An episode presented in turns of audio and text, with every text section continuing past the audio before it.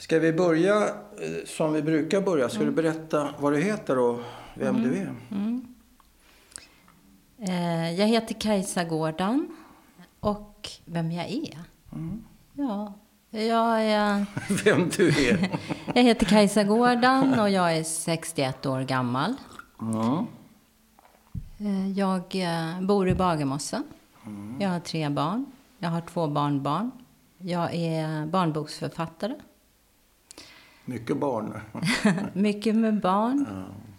Eh, och jag är dotter till en judisk pappa som gick bort i slutet av 2016.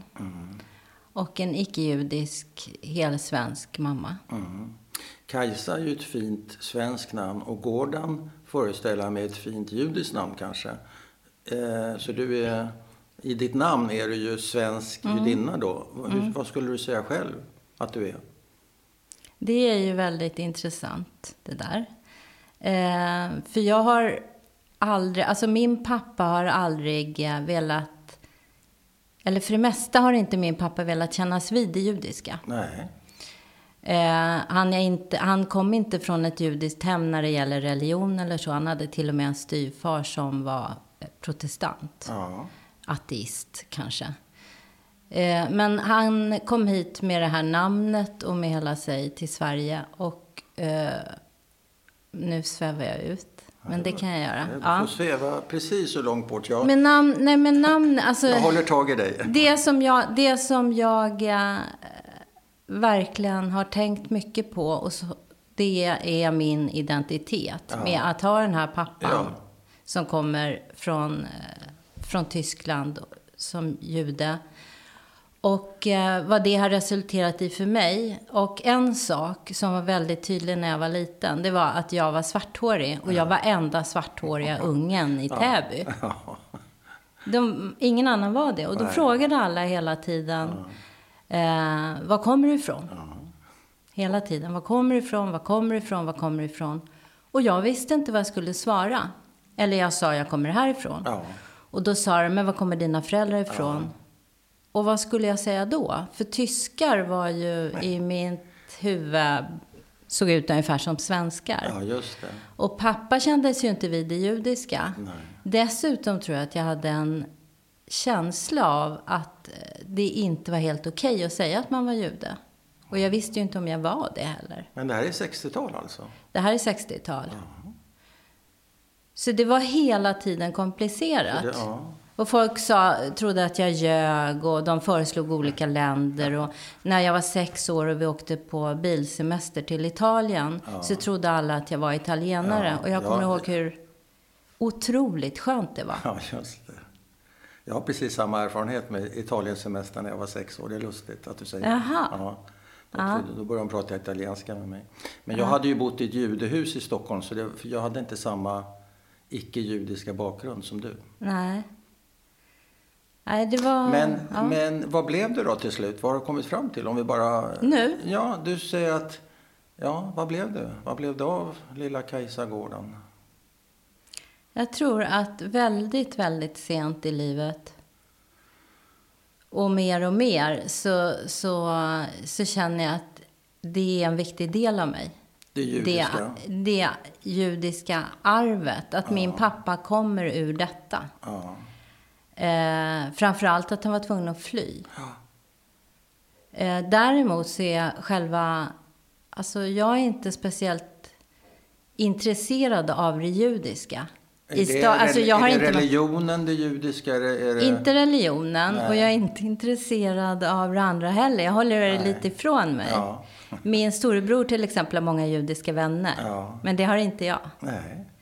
Eh, och eh, jag kan tänka ibland så här, åh, varför måste han bara ha massa judiska kompisar? Nej men det är olika liksom. Fast, Vad har du med det att göra? ja.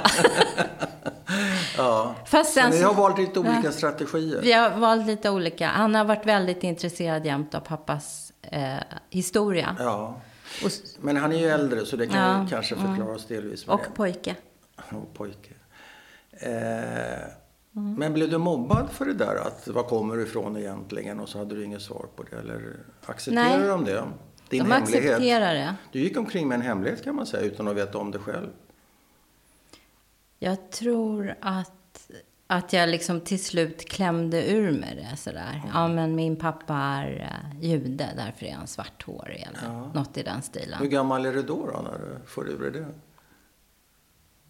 Kanske åtta, nio. Ja, okej. Saken är den att när jag var i den åldern, då skilde sig min mamma och pappa. Vilket var, och då flyttade han. Så att det var också väldigt eh, speciell situation där, där alla var gifta. Ja, just det. Det var jobbigt. Så du var avvikande rätt länge kan man säga.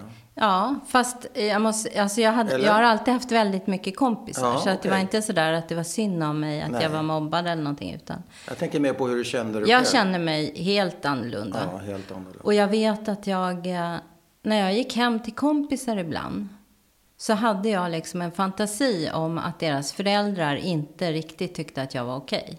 Och att de kanske tänkte att jag skulle sno något för att jag var svarthårig eller... För det hände också att, de, att folk föreslog att jag var zigenare, Ja, vilket man sa på den tiden. ja. Eh, ja. Men... Ja. Var det någon som uttryckte något nedsättande? Av, eller kände du något nedsättande från någon mamma eller pappa som du var hemma hos?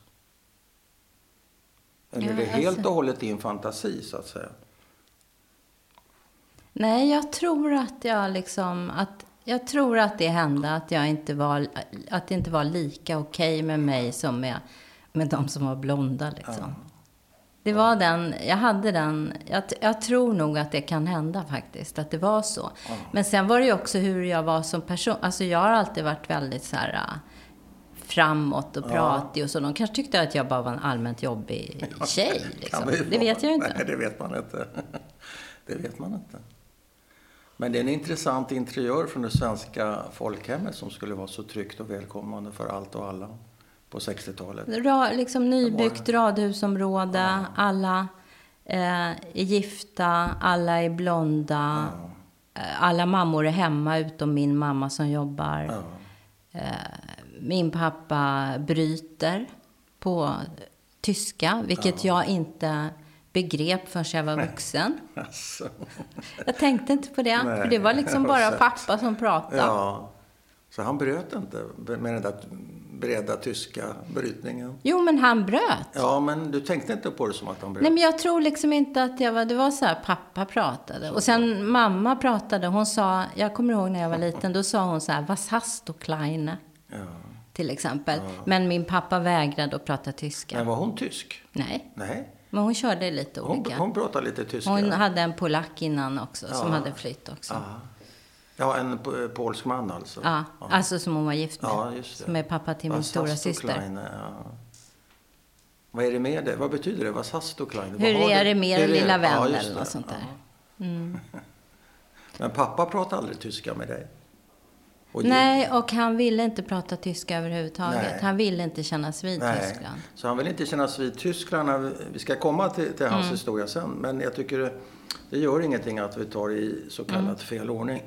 För du berättar att han vill inte kännas vid det judiska. Han vill inte kännas vid det tyska. Han ville ha en ny start alltså. Han Mm. ville uppfinna sig själv. Han ville vara eh, verkligen s- svensk patriot. Ja, det. Och så var han den här eh, liksom, lite kortväxta med väldigt judiskt utseende mannen som bröt. Ja. Var han konservativ? Eh, nej, inte alls. Inte så. Nej. Men patriot i... i Nej, jag han menar, älskade han Sverige. älskade Ja. Sverige, han hade blivit räddad, han Ja. hade... Eh, han tyckte att det var så många människor som hade hjälpt honom här. Till, fram till allt det han hade fått liksom. Så han var väldigt, han tyckte väldigt mycket om Sverige. Blev den där kärleken bes, besvarad för honom, tror du? Kände han sig besvarad, eller vad man säger? Ja, men jag tror det. Ja. Alltså i kombination med liksom han var... Eh, kombinationen av att älska och älska Sverige och människorna och eh, känna sig själv väldigt, väldigt potent person. Så var han också väldigt osäker och tänkte att det var eh, kanske en fejk alltihopa. Kände han så om Ja, sig att själv? folk gjorde saker för att, men det kommer tillbaka tidigare, men för att vara snäll mot honom. Ja, Så han litade inte riktigt Nej. på... Jag tänker, eh, jag vill ändå, det är så mycket intressant du har kastat upp här. Jag tänker på ditt jobb som författare, barnboksförfattare. Mm. Har det, eller jag vet att mm. någon av dina historier handlar väl om flykt och flyktingar mm. och sånt där. Mm. Ser du någon koppling, något ledande fråga, ser du någon koppling till din och pappas historia eller pappas historia? Ja, verkligen. Alltså det, eh, det vill jag verkligen berätta om. Ja. Alltså det är så här att när den stora flyktingvågen kom november 2015. Ja. Då satt jag här hemma och skrev på någon helt annan barnbok. Och sen så åkte jag in till eh, centralen för att se vad är det som händer egentligen. Ja, och då var det ju tusentals människor där och det mm. var som välde in med tågen och som var hungriga och trötta och eh, behövde någonstans att sova. Mm. Och då var det också många volontärer där. Och då ryckte jag tag i någon och sa, kan jag hjälpa till på något sätt? Mm. Och så sa de åt mig att hämta min bil som jag hade i Bagarmossen. Och så hämtade jag min lilla Fiat och så åkte jag tillbaka. Och sen så började jag köra eh, flyktingar till Nobelberget där de skulle få sova över mm. natten. Det är Nacka va? Ja. Eller något sånt där. Och så körde jag skytteltrafik hela veckan med, mest var det irakiska stora män som satt uppklämda i min lilla bil. Hur många fick du in i bilen? ja, men kanske tre, fyra personer. ja, så det, okej. Okay. Och det gjorde ett väldigt stort intryck på mig, mm. allt det här. Alltså både solidariteten bland alla, alla vi som hjälptes mm. åt. Mm. Och som kom från helt olika samhällsklasser. Mm. Fattiga studenter eller eh, rika människor med stora suvar som bodde i Saltsjöbaden. Eller, men vi liksom gjorde det här ihop. Och det var väldigt eh, stort och häftigt. Och sen att se de här människorna och fatta. Mm. Eh, det här ledde till att jag inte att jag ville skriva en annan barnbok än den jag höll på med. Mm. Och då började jag göra research, vilket jag inte brukar göra. Eh, och då hamnade jag på Alsike kloster, där man gömmer flyktingar. Mm. Och så fick jag göra intervjuer där med eh, barn och vuxna, med nunnor som jobbar där. Och sen ledde det vidare till att jag även fick åka till ett annat ställe där man gör med flyktingar och gjorde fler intervjuer. Mm. Och när jag hade allt det här materialet så började jag hitta på en historia och så skrev jag en bok mm. eh, som heter Om jag får stanna. Mm. Men det var så här att i, mitt, alltså i mitten av det här arbetet, när jag hade kanske jobbat på boken ett halvår, då så kom jag på att min pappa var flykting. Okay. Och att det var så otroligt starkt för mig det här. Ja. Det jag höll på med, det var så viktigt. Det fanns inget viktigare. Nej. Och så tänkte jag, men det är ju, det här är min pappa. Ja, men Han du gjorde en... inte den kopplingen från dag ett Nej. Alltså. Nej men den, den fanns ju där. Jag tänkte inte så. Nej.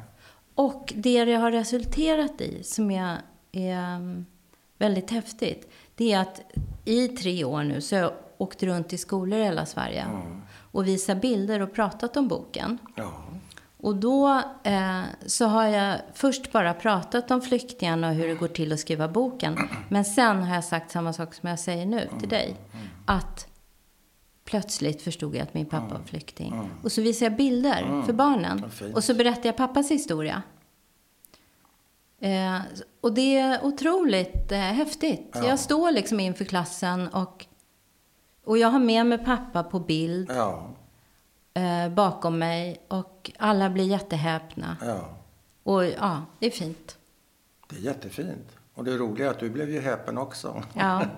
Och jag, ska, jag har en ihåg? bild på när pappa ligger och läser boken i sängen. Ja. Så han hann göra det? Ja. Mm. Vad tyckte han om den?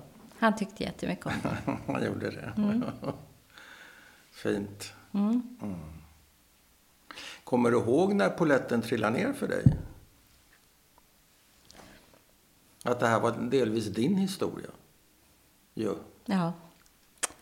Alltså, jag tror att det var någonting med det där ordet ensamkommande. Mm. Eh, för min pappa var ju just en ensamkommande flykting. Han var just en pojke i den där mm. åldern som mm. så många afghanska killar nu till exempel. Eh, och då insåg jag att det var, det att det var, ju samma sak. Ja, fint. Ja. Jättefint. Och det känns otroligt bra att jag liksom, jag har ju träffat tusentals barn. Ja. att jag kan berätta det här Ja. för dem. Ja. Och att jag kan göra den kopplingen. Dessutom ser jag ofta i områden där det är mycket muslimer. Ja. Och de blir lite så här, en del blir lite perplexa och vet inte riktigt hur de ska ta det när jag berättar att, eh, att jag är jude då. Nej. Och det känns också så jäkla bra. ja, men det blir bra möten för dig. Ja. Ja. Jag har varit med en enda gång i, om att en kille i en klass har sagt liksom så här. Va? Är du jude? Jaha. Sådär. Ja. Liksom och verkligen lite med avsmak. Ja. Och någon Smuts. fröken som har skämts. Ja, och jag som direkt har tagit upp tråden och Ja. börjat liksom en diskussion. Men du fixar det såklart. Ja. Det är ju nästan de mest spännande mötena när man börjar på minus och så kanske man åtminstone kommer upp till noll i bästa fall till plus och ett samförstånd. Det är väldigt fint. Det är det verkligen. Men eh, jag är redo att höra din pappas historia efter denna långa och intressanta inledning om du vill. Och då tycker jag du berättar så kort eller så långt du vill om pappa och hans bakgrund.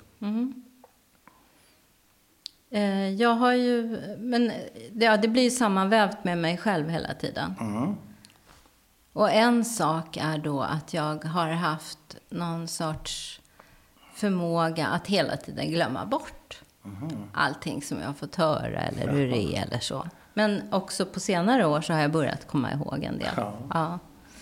Eh, Min pappa föddes 1922 i Berlin. Han, eh, hans biologiska pappa dog när han var bara några veckor gammal i en olycka. Eh, det fanns en historia om det som var att hans pappa hade gått på toaletten och att eh, det gick sönder något gasrör där eller någonting. Och då så...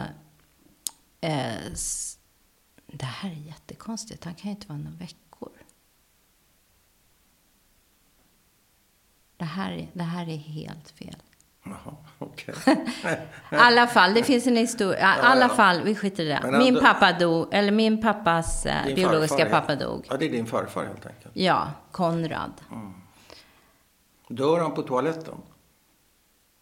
Ja, han dör på en toaletten. explosion? eller något Men senare, alltså mycket, mycket senare, kanske för tio år sedan, så har man eh, eh, konstaterat att det var nog självmord. Men att eh, pappa har trott hela tiden att, att det inte var det. Han tog livet av sig? Men det vet vi inte. Nej. Men han fick en styvfar.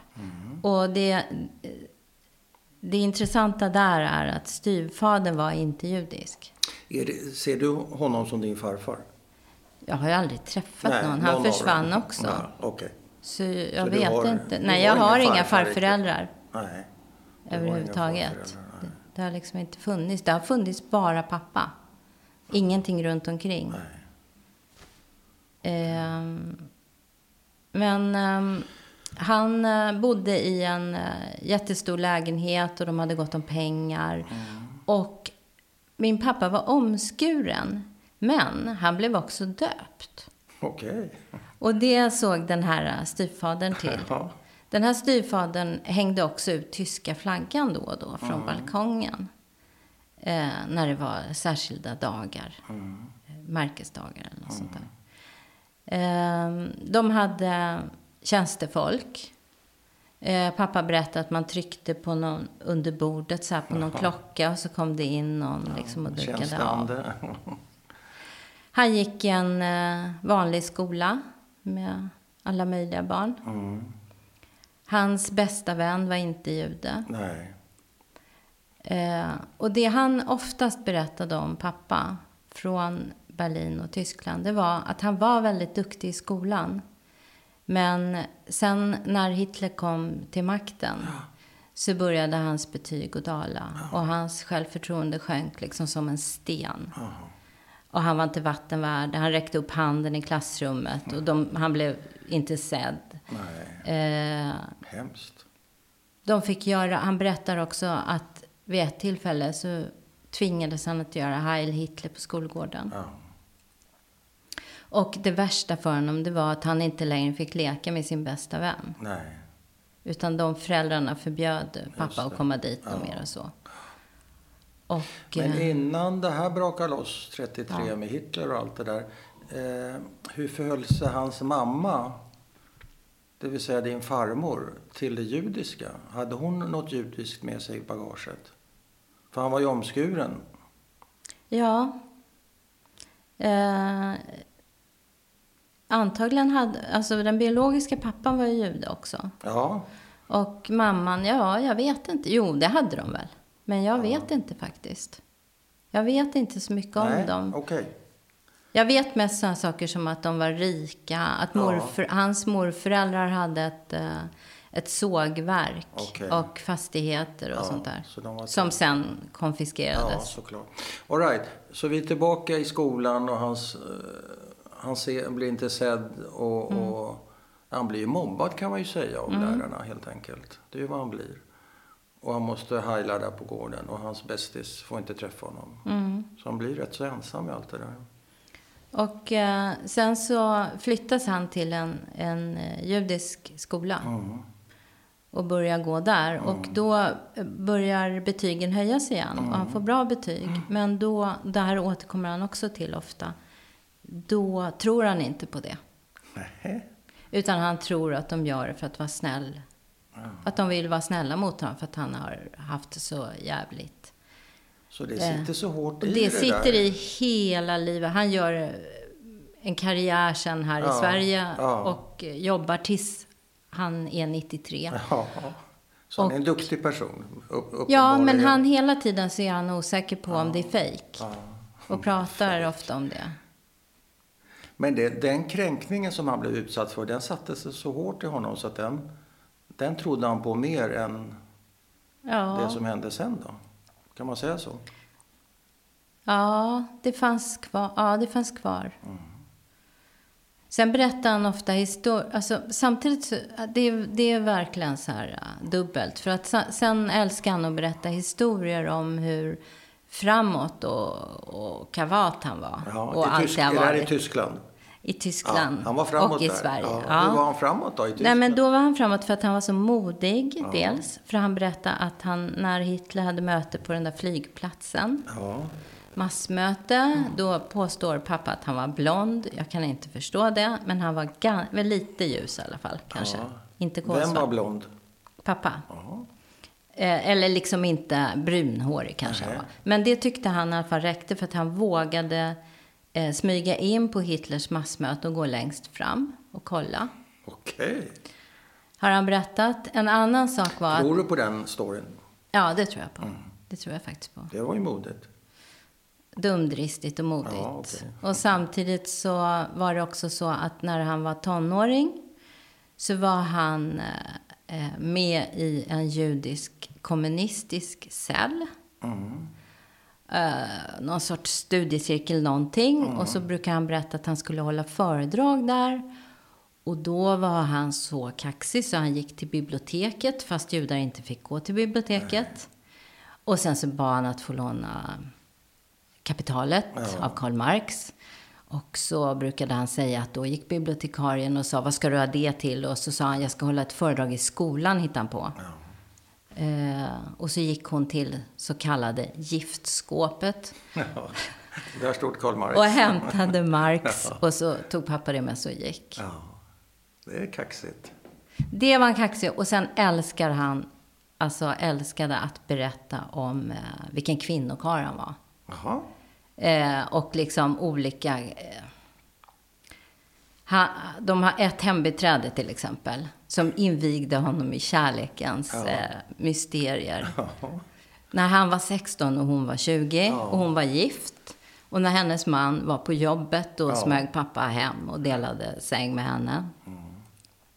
Och sen är det så här att när pappa, eh, han var ensam kvar och skulle sälja det som fanns kvar och sälja lägenheten.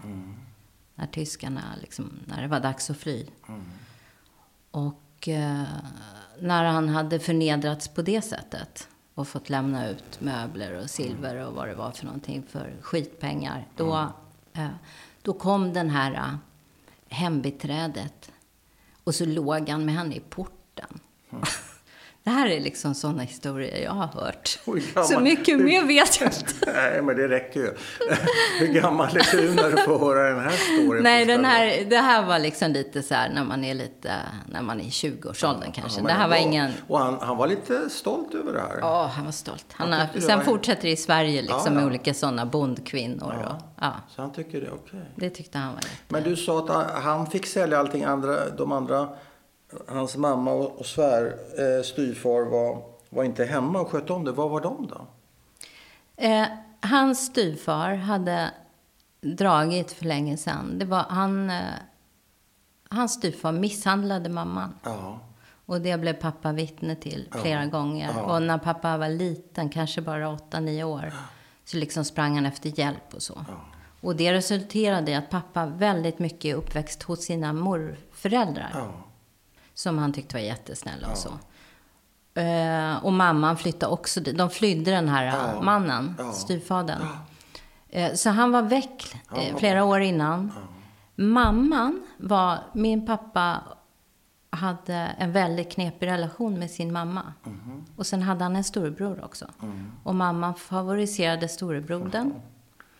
Och de bestämde sig för att de skulle, de ville åka till Palestina. Eh, via England. Men pappa ville inte det, för han ville inte ingå i något kollektiv. Utan han ville liksom något på egen hand. och då är han 16-17 år när han Ja, tar 15, 16. 15, ja. ja. Så det är tidigt alltså. Så min, min, eh, och min farmor var ganska, hon var elak mot pappa. Så hon sa, hon, hon flyttade till något litet rum, hyrde ett rum och så sa hon så här, Kurt nu får du eh, fixa det här. Oj. Sälja det som är kvar. Brorsan hade redan stuckit till England. Ja. På vilket sätt var hon elak menar du?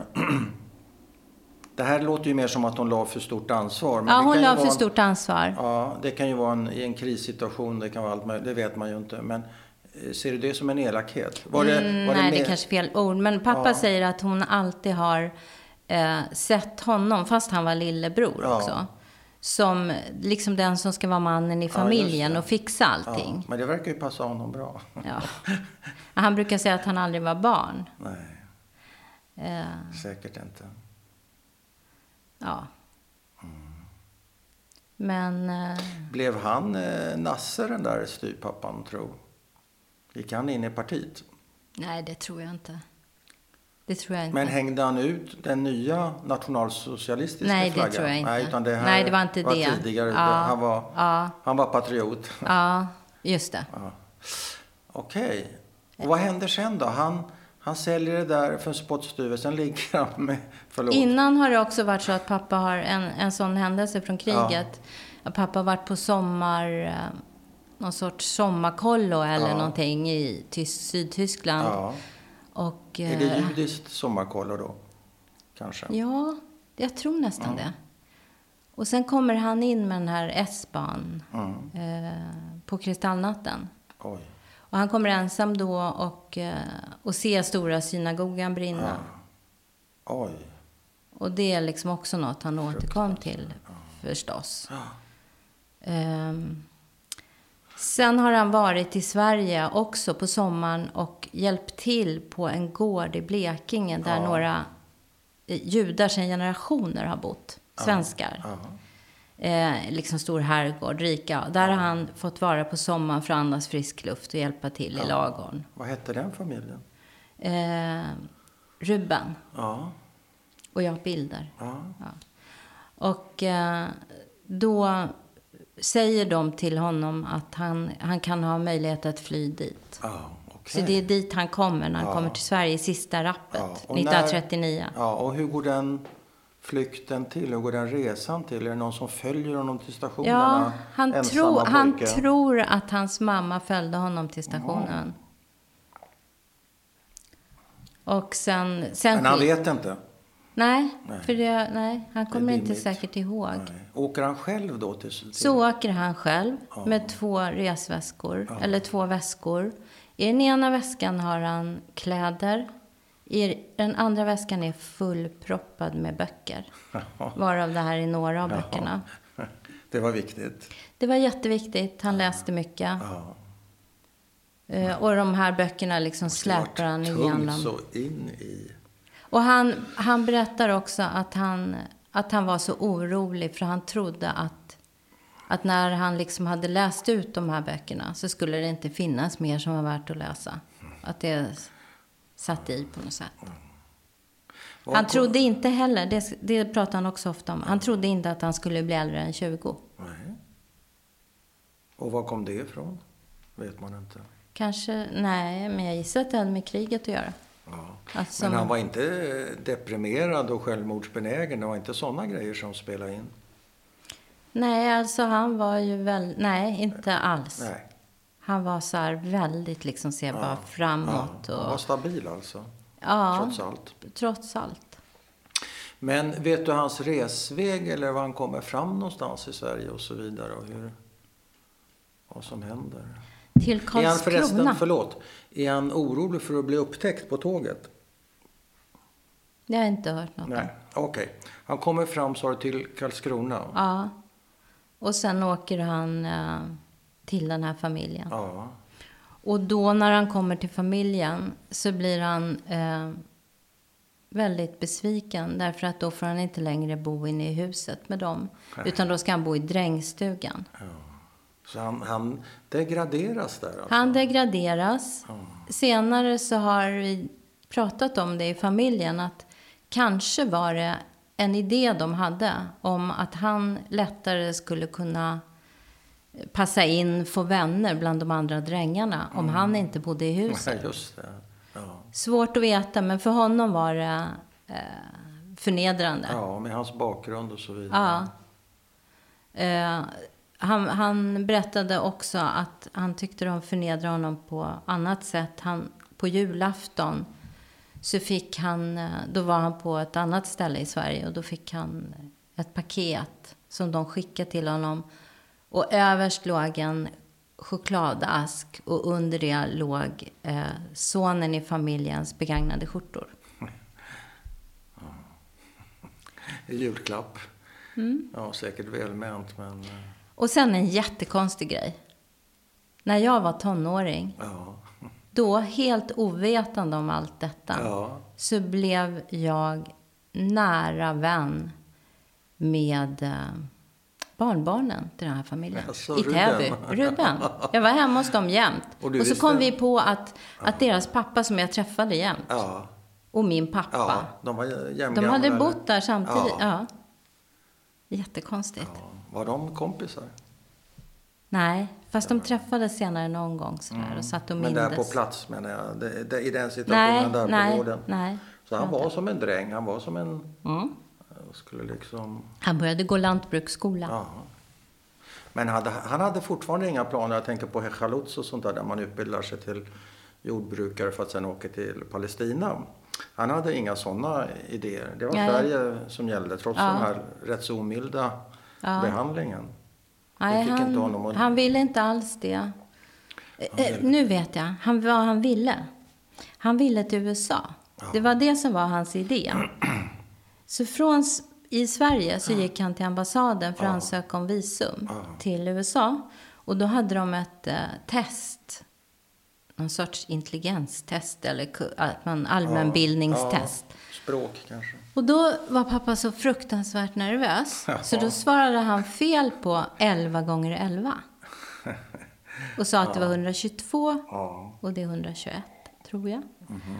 Och då fick han inte åka till USA. Så därför, så det är slumpen. Det är slumpen. Men var befinner han sig när han får det här paketet med chokladasken och de eh, slitna, eller i alla fall Mm, begagnade? skjortorna. Ja, var är han då någonstans? Då är han på Mora lantbruksskola. Han har där han lär sig att mjölka och det ena och det andra. Okej. Så han ska bli, eh, ja kanske inte bonde, men jobba i jordbruk. jordbruk ja. Det är nog tanken. Vad händer då? Med Eh. denna, han var ju så bok... Ja, han var, han var ju liksom en intellekt, väldigt Ja, intellektuell intellekt- pojke.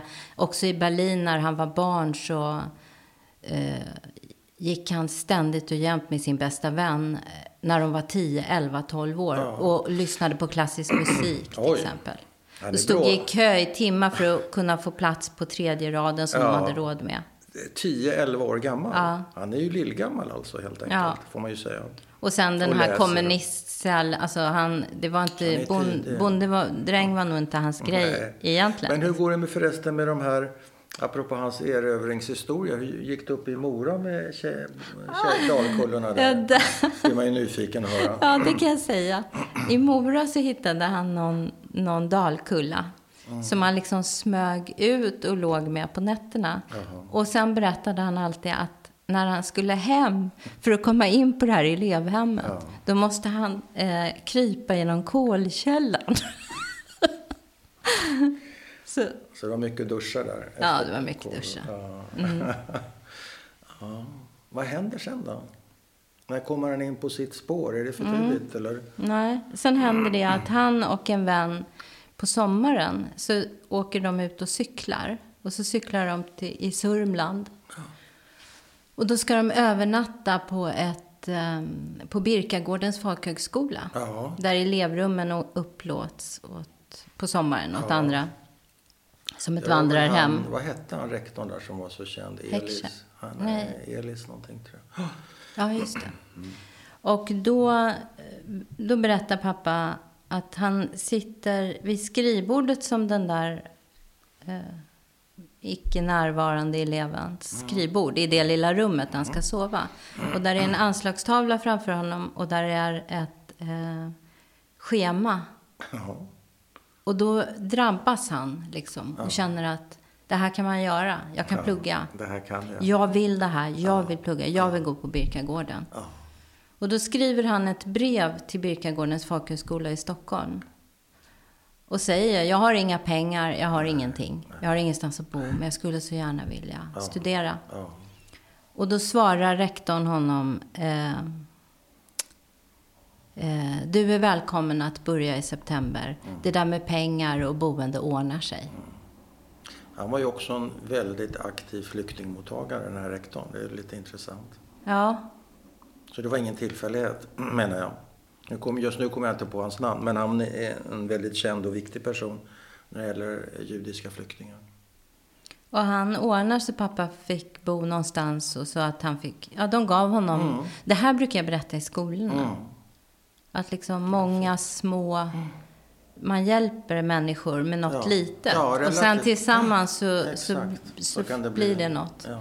Men nu ska jag säga en annan grej om det där med det judiska. Att jag inte, som jag pratade om förut, att jag inte håller på med det judiska och sådär. Jag, eh, och jag tror att det, alltså det som är så starkt i mig, det är någon kä- känsla av ehm, vi är alla lika. Mm. Alla på jorden. Och jag har svårt för liksom att någon sorts kotteri eller att, att man är i olika grupper. Eh, Det kan jag känna igen mig i. Ja, och det såg jag när jag läste din Ja, judejävelbok. ja, det kan jag känna igen. Så jag, ja, precis. Och det, så är det för mig. Och det tror jag är anledningen att jag liksom... Men du förstår att du sysslar med det judiska fast du inte definierar det så? Nej, jag, Ja, jo, det gör jag väl. Ja, det gör, det. Jo, men det det gör vi ju alla som Ja, tycker vi men det är klart, jag fattar ju det nu. Man, man har ju bara sina egna erfarenheter att gå på. Ja. Och i den meningen har du ju judiska erfarenheter. Så det räcker att bli Jo, men det är ju så. Så är det ju. Jag vet det. Sen blir det en annan slags berättelse, men det är Ja. fortfarande... Nej, men nu känner jag att jag kan ta att, att, Ja. att det är faktiskt är Men bra. det sympatiserar jag med Ja. jättemycket det här att, att eh, det är väl Emmerich Roth som brukar dra det. Det finns bara en ras, nämligen den mänskliga. Ja, men exakt. Ja, och det är lätt att säga va? och det är lätt att tycka och sen ska man leva det. Och det, det är ju det, den utmaningen vi har som, eh, vill, som tycker så. Mm. Att man ska ju leva upp till det också. Det är ju inte så lätt. Nej, det är det inte. Men eh, det gör det ju spännande. Men du, nu eh, ska vi se. Mora. Eller, eh, Birka, Birkagården. va? Birkagården, ja. Och där börjar han plugga. Mm. Ja, vad vill du ta sen då? Du får gå så Jo, detaljerat läs- eller så snabbt du vill. Då läser han... eh, Han läser sociologi och så. Mm. Och eh, han är intresserad liksom av det mänskliga psyket. Mm. Läser väl psykologi om det går. Och det, är, det det leder till, det är att han söker in till Socialhögskolan. Mm. Och ehm, att han... eh, Ja, han, han, han, eh, vad ska man säga, han syr ihop olika utbildningar eller olika saker han läser. Ja. Som leder till att han blir en av de första psykologerna i Sverige. En av de första psykologerna. Ja, för det fanns inte en ren utbildning för det Nej. då. Men det blir pappa. Ja. Sen använder han sin utbildning till, eller kanske redan under studietiden när han är socionom, så använder han den bland annat till att träffa traumatiserade judar som har varit i koncentrationsläger, som kommer till Sverige. Och på den vägen har han fortsatt väldigt mycket, men inte just med judar, utan med människor som, han har varit handledare eh, åt de som är handledare. Han har haft en hög position Ja. liksom, när det handlar om de som har jobbat med traumatiserade flyktingar och Röda Korset och allt möjligt sånt. Såg han sig själv som flykting? Ja, det gjorde han ju. Det gjorde han. Ja. Och såg han sig själv som traumatiserad? Nej, det tror jag inte. Jag tror att han, han tyckte att... Eh, nej, han var räddad, han hade klarat sig. Jag vet inte. Nej. Men det är ju märkligt, va? för jag är ju inte uppväxt med att han, att han pratar så mycket. Utan det finns de här anekdoterna. Ja, just det. Det finns liksom kolkällan, det finns jag smög fram till Hitler. Ja, just det. Men som barn är man ju känslig för tystnad också. Det som Ja. inte sägs, såklart. Och en annan grej med pappa var, han kom från en högborgerlig miljö. Ja. Eh, Han var väldigt auktoritär. Mm. Tysk. Han var auktoritär, så när vi satt vid matbordet så förväntade han sig att vi barn skulle vara tysta. Ja, ja. Och han pratade och han pratade och han pratade. Ja. Och jag, jag, jag var liksom den som opponerade mig Jaså? hela tiden. Och då eh, slängde han ut mig Oj. ur köket. Och sen så var det en sån här glasdörr, så här 60-tals radhus. Och så stod jag och var jättejobbig utanför och då liksom skickade han upp mig på övervåningen. Ja. Så han var, jag, var, jag var rädd för pappa. Han slogs inte eller så, men Nej. jag var rädd för honom. Men han blev arg för hans dig. ilska, Ja. hans raseri. Ja. Och ställde mamma, hur, hur förhöll hon sig då? Jo, då var det så att mamma hade väldigt svårt för det här. Och det ledde till att hon inte ville vara gift med honom längre. Nej. Men Så- backade hon upp dig i de här situationerna eller valde hon att vara tyst? Nej, jag tror hon val, alltså jag tror kanske att hon var tyst och sen ledde det till att hon ville skiljas. Vilket kom som en blixt från en klar himmel för honom. Han förstod ingenting. Nej, okej. Och det har han aldrig förstått. Nej. Men jag har liksom vuxit upp som ett skilsmässobarn som har tagit parti för mamma. Hur gammal är du när, när de skiljs? Åtta. Och vad tyckte du om det? Att de skilde sig. Jag tyckte det var toppen. Varför? Jag var ju liksom helt så bara. Eh, därför att jag tyckte att han var dum. Ja, han var dum. Han var, han var, jag var rädd för honom, han var Ja, auktoritär. ja. Jag hade, var jättenära mamma. Pappa Ja. kom hem med hatt och rock från Socialstyrelsen, jobbade han på då. Ja, Eh, med hatt och rock. Men kände du... Det var väl pappa som kände sig eh, förfördelad jämfört med sin brorsa, var det inte så? jo, I Berlin. Kände du detsamma? För du har två syskon. ja. Kände du detsamma? Eh, gentemot min bror. Jämfört med dina syskon, ja. Din Eh. syrra och din bror. Nej, det, ja så här. Jag tror att Dan, min storebror och pappa har alltid varit nära. Mm. Eh, Min syster har också haft sin andra pappa. Och Okej. de, mina, båda mina syskon är mycket äldre än jag. Ja, Så att eh, det har blivit en speciell situation där jag under många år bara bodde med min mamma. Ja. Mina syskon hade flyttat. du var som ett ensambarn nästan då kan man säga. Ja, under många år. Alltså många år var det Dan och jag, min Ja, storebror. ja. Och han har varit, han är superviktig. Han har varit som min pappa. Han har varit som din. Min storebror är min pappa liksom. han var snäll, eller han är snäll. Jättesnäll. Ja. Världens snällaste. Ja, Vi är jättenära. Ja. Ehm, Så du hade inte det problemet som din pappa hade, att han kände sig hela tiden förfördelad? Och... Nej, men senare gjorde jag det av en annan anledning. För Ja. så småningom gifte min pappa om sig med Lisbeth som han har varit gift med till sin död. Ja. Och hon lever, hon är 92 år. Ja. Och hon hade fyra pojkar. Och de hade, bodde i en gammal träkåk på Lidingö. Ja. Och där hade de också väldigt många människor som bodde jämt. Och det var så här, deras hem var öppet. Alltså det kunde vara knarkare eller det var liksom olika knäppjökar som de, de, hon var psykiater Ja. och pappa psykolog.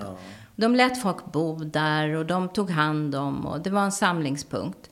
Och jag var där varannan vecka bara på helgen och skulle träffa min pappa. Men han försvann ju liksom bakom alla människor. Vi satt så här 15 stycken kring bordet. Och jag, det enda jag använde middagarna till, det var att försöka säga till min pappa att han, jag liksom tyckte att han var för dum mot barnen.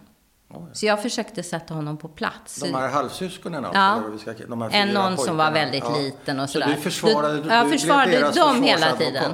Det vill säga dig själv. Och sen gick vi ut på promenader. Hur tog han det? Han blev jättearg. Jaha.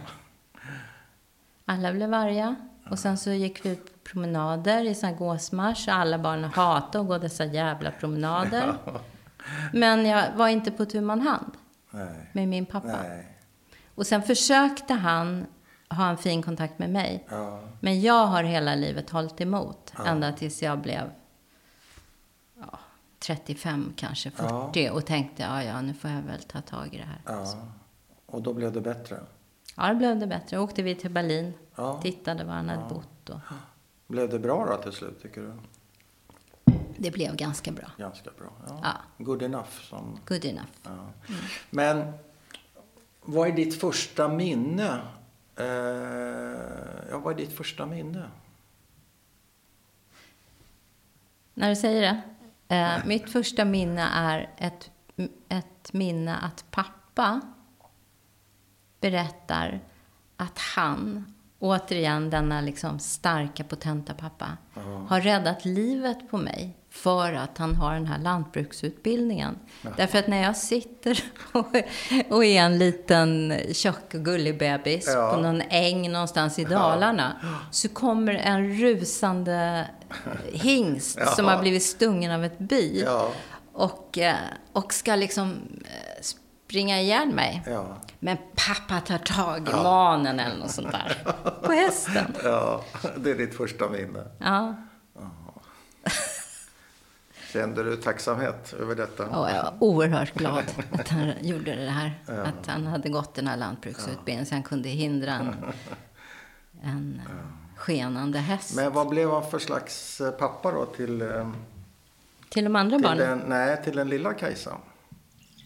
Efter denna historia. Hur, hur var han?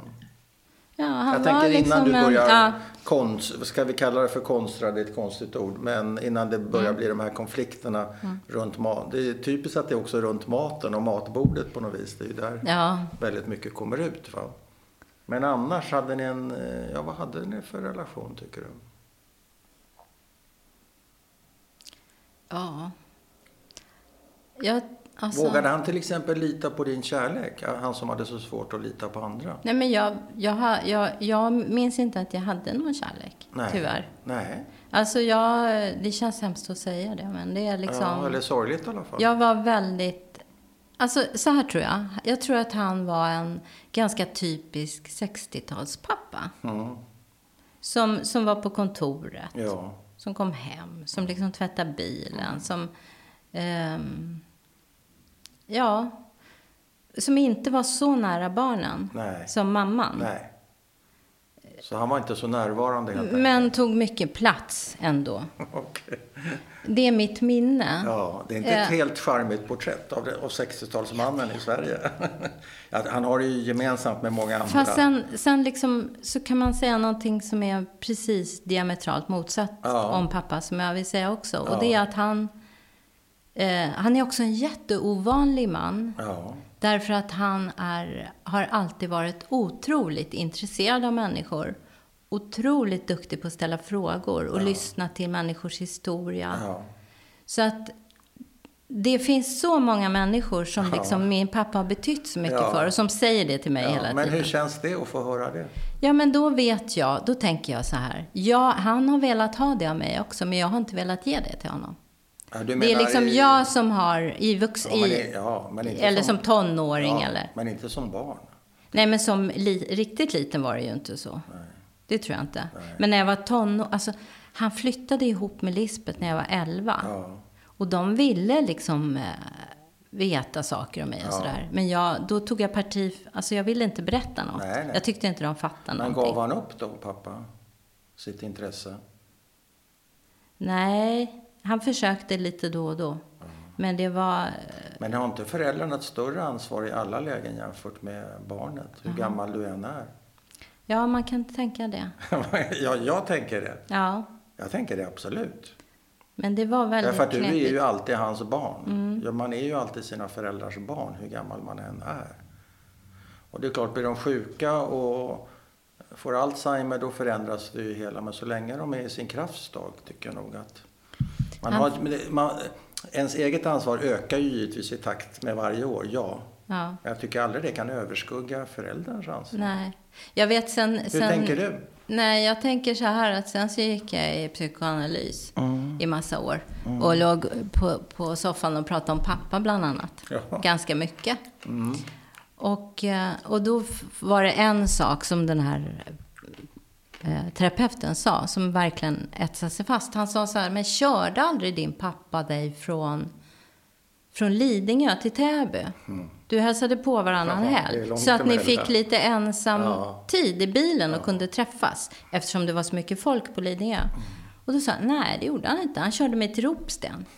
Och sen åkte jag tunnelbanan och Roslagsbanan. Ja. Och det, det, liksom, det har etsat sig fast, apropå det Mm. du säger. Ja. Eh, Och vad tänker du om det? ja, jag tänker att där, där brast väl hans omsorg. Mm. Men jag har, jag har svårt att sitta och säga det här samtidigt därför att han också var en otroligt fin person. Det är verkligen så. Du vill inte baktala din, Nej, din nej men och, och sen så här.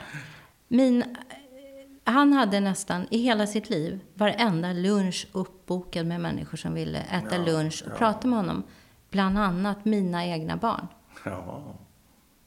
Mina tre nu vuxna barn.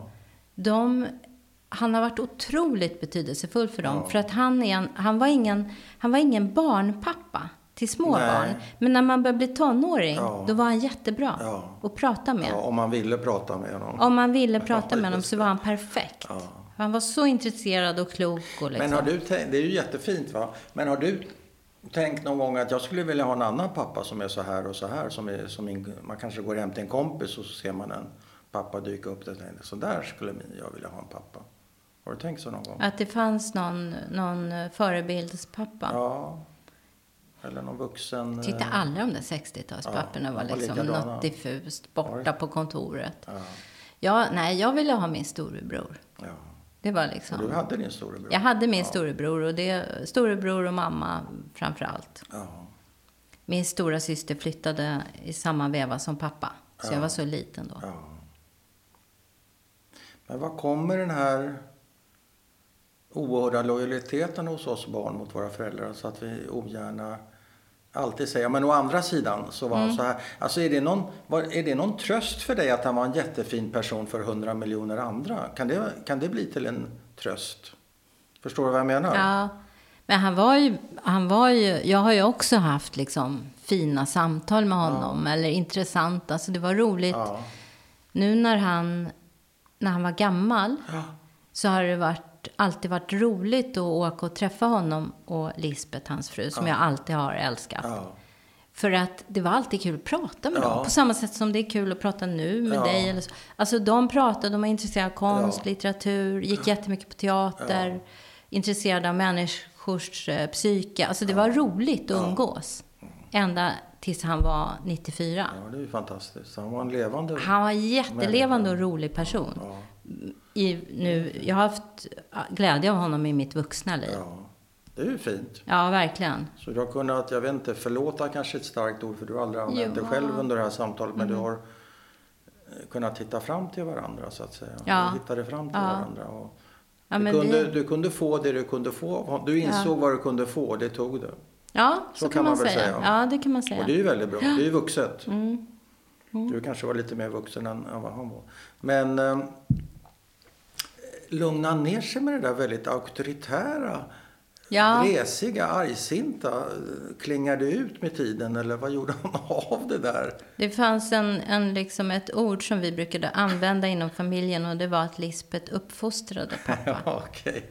Hon, eh, hon, fick hon, nej, men hon fick honom att dämpa sig. Ja. Alltså, ja, det klingade Han av. blev en han, blev, människa. han blev en bättre människa. Vad, vad tror, eh, har ni pratat om, eller vad, rättare sagt, vad tror du att den där oerhörda ilskan kom ifrån? Är det också en typisk 60-tals pappa, svensk Nej, pappa? nej. alltså jag kan tänka mig att det har att göra med att han, han har haft så svår uppväxt. Ja, Han har väl liksom fått klara sig själv. Och, ja, och sen, sen tänkte jag på... Det slog mig när jag själv var, Jag fick barn tidigt. Jag var 20 när jag fick barn. mm, det är tidigt. Eh, och det slog mig att när vi var på landstället, de hade ett landställe och jag och min man och barn och sådär.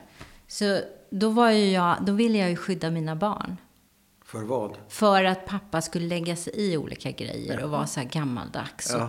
tycka dittan och Ja, dattan. ja. Men det är mer så här vanliga konflikter Ja. som det brukar vara Ja, mellan ja. generationer. Ja, Men då slog det mig att, och det sa jag till pappa då på landstället vid ett tillfälle.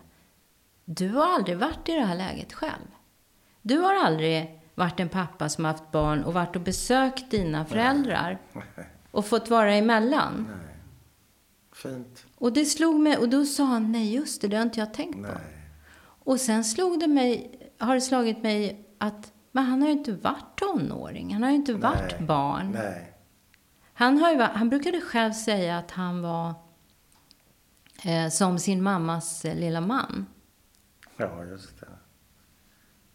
Så han var väl arg. Han hade... ah, Han kanske var arg och avundsjuk och allt möjligt. På, eh, Kränkt, va? ja, Kanske. men jag tänker om... Eller? om av, ja, absolut. Men jag Absolut. tänker så här att han... Vad tänkte han om hur vi hade det liksom, på Ja. 60-70-talet? Ja. Barn i Sverige. Ja. Men hur förhöll han sig till sina barnbarn då? Vad, kunde han lägga... Kunde han eh, låta er ta ansvar för dem? Ja, för det mesta. Ja, det kunde det gick vara. rätt så bra. Ja, det gjorde det. Var han barnvakt någonting då? Nej, Nej, det var inte hans grej. nej. Små Han, var de har aldrig varit barnvakt. Nej. De har haft så mycket folk ändå, Ja. överallt. Ja. Och sen blev det ju liksom 14 barnbarn. Ja. Det blev en jättestor familj. Ja. Det sa pappa ofta. Han sa så här, jag kom ensam. Ja. Och se vilken stor familj jag har. Ja. För vi är, ju, vi är så många. Det är en vi får ju- klan. Vi är en klan. Och vi har också klanfest varje år. Ja. Kallar vi det för. Fint. Och är över 30-40 pers. Men njöt han av det? Av den där... Ja, jättemycket. Men det första som hände när han flyttade till Lidingö, det var att han var rädd att han att Lisbeth liksom, att det var så mycket folk. Så han inredde ett, ett litet garage på tomten, helt fallfärdigt. Eh, som sen dess har gått under beteckningen Skjulet. Ja. Och där stoppade han in böcker, skivspelare, sina klassiska musik. Ja. Och sen hade han terapier där också. Ja, ja. okej. Men han hade liksom en mancave. Det var hans man På det sättet, Ja, ja. Det kan man behöva. Men vad skulle jag säga? Vad tycker du att du har... Vilka egenskaper hos dig själv tycker du, tänker du på? Det behöver ju inte vara så, men man tänker ju ofta så vad jag ärvt från mina föräldrar, alltså i mitt sätt att vara och sådär. Jättemycket från pappa. Ja, berätta om du vill. Det är så kul. Kul att du frågar. Ja. Ja. Jag känner mig väldigt lik honom. På, Ja. Jag känner mig... eh, Jag känner att jag är väldigt framåt. Ja, Till exempel. ja, Jag är för det mesta glad. Det Ja. var pappa. ja. Han var väldigt, liksom, eh, hade väldigt lätt att vara glad över saker. Mm. Det är viktigt. Det sa jag inte förut. Nej, det Eh, och ehm, ja, men jag kan känna mig lite så här som en bulldozer. Ja, okej. Och det var ju pappa också. Ja, Men han, han sa ofta att han var avundsjuk på mig, alltså nu i vuxen ålder. Ja. Att, och om jag var lika säker som du är Kajsa på att vara älskad, sa han. Och sa jag, vadå liksom? Ja. Eh, Det var någonting, han tyckte att han hade en osäkerhet. Ja. Men jag tycker att vi är men lika. stämmer inte det då? Det han sa, Jo. att du känner dig eh, säker på att du är älskad? Eller? Eh, jo, det gör det. Ja, det stämmer. Men sen, eh, jag är också väldigt känslig och det var han också. Mm. Så att det är liksom, eh, och han också har det här, eh, jag menar jag tror inte det är så ovanligt. Den här blandningen mellan liksom hybris Jo. och dåligt självförtroende och så. Exakt. Och det höll ju pappa på med hela tiden. Mm. Så han lever i dig. Ja, ja det gör han ju. Och nu är det så fint när jag får åka runt i skolorna och Ja. liksom ha honom på väggen. Det Ja. känns jättebra. Ja, det gör det. Ni måste se den bilden sen. Ja, det ska vi göra. Ja. Eh, vill du lägga till någonting? Har vi missat något väsentligt? Det har vi säkert. Men, eh, Ja, det är den här. Ja, vi har en sten, kullerstensbit, eller vad är det för någonting? Ja, det här är... ehm, det var så att på, någon gång på 90-talet så kom det ett brev från tyska staten till oss syskon. Och då eh, så sa man så här att ni måste betala in någon av. Jag vet inte vad det var. Nej, nej, nej, så här. Det kom ett brev från tyska staten. Skickades till min syster faktiskt. Och så stod det så här. Vi har bytt beteckning på er gata Jaha, på er gata? i Berlin. Ja, och vi bara, att hade en va? gata?" Nej, vad är detta? Ja, Vi fattar ingenting. nej. Och så småningom åkte min storebror Dan och försökte ta reda på vad är detta. Då visade det sig att där sågverket som tyskarna snodde Ja, av min morfar, eller pappas morfar, eh, och där fastigheten som de också snodde, eh, där finns det en trottoar som är jättebred, ungefär 4 meter, 100 meter lång, alltså 400 kvadratmeter mark mitt i Berlin. Och det var så att min farmor, hon försökte få igen stålar efter kriget och liksom stred från England de bodde. Och det hon lyckades få, det var den här markbiten. Men sen har det liksom, ingen har fattat någonting och så Nej. gjorde de trottoar fast det var gräs innan och sådär. Och när vi fattade det, och jag hade ganska ont om pengar då, va? liksom trebarnsmamma och pluggade. Jag bara, vi måste få loss de här stålarna. då åkte min bror dit och så försökte han fixa med tyska byråkratin. Ja. Och de sa, jo men vi kan eh, köpa det av er, sa staden i Berlin. Sen hände inget, sen hände inget. Sen hörde dagen av sig igen. Och då sa de så här, "Äh, vi har inte råd. så Tyska eh, stan Berlin. Ja, Berlin hade inte råd De att köpa inte råd era att köpa mark. den här biten. Nej. Så nu äger vi den. Jaha, okej. Så vi är där. Så jag var där för ett och ett halvt år Ja. sedan. Och då låg den här lös. Så då tog jag den. Så tog det. Så det, jag har en bild på när jag står där. Ja. Alltså det är helt otroligt. Så vi har den här biten. Vi, Ja. vi skulle, och jag har en dotter som är konstnär. Och hon är jättepepp på att liksom Ja. börja bara annektera och Ja, göra, göra någonting, någonting där ute Ja. på trottoaren. Får, ni, göra- får ni göra det? Det är ju vår. Ja, det är det. Och ska du berätta om böckerna också som eh, pappa Ja. Mm. hade med sig? Eller boken? Jo, det är två böcker. Pappa hade eh, med sig böcker som sagt i en väska när han kom till, s- till Sverige. Och eh, det här är eh, baron von Münchhausens Jaha. äventyr. Och det här är den unge Werthers lidanden. Wow. Och i böckerna så har han stämplat med sitt leksakstryckeri, sitt namn. Ja, gården, vad fint. Och så står det Berlin Ja, 27, eller vad står det? 37. 37. Mm. Ja, jättefint. Gården. Mm. Och det, ja, de har ni. De har vi. Mm. Då mm. vill jag tacka så mycket mm. för en jättefin berättelse. Om du känner dig nöjd? Jaha, alltså jag kan prata hur länge som helst. det här räcker nog bra. Räcker det? Mm, då tackar jag. Tack ska du ha. Tack.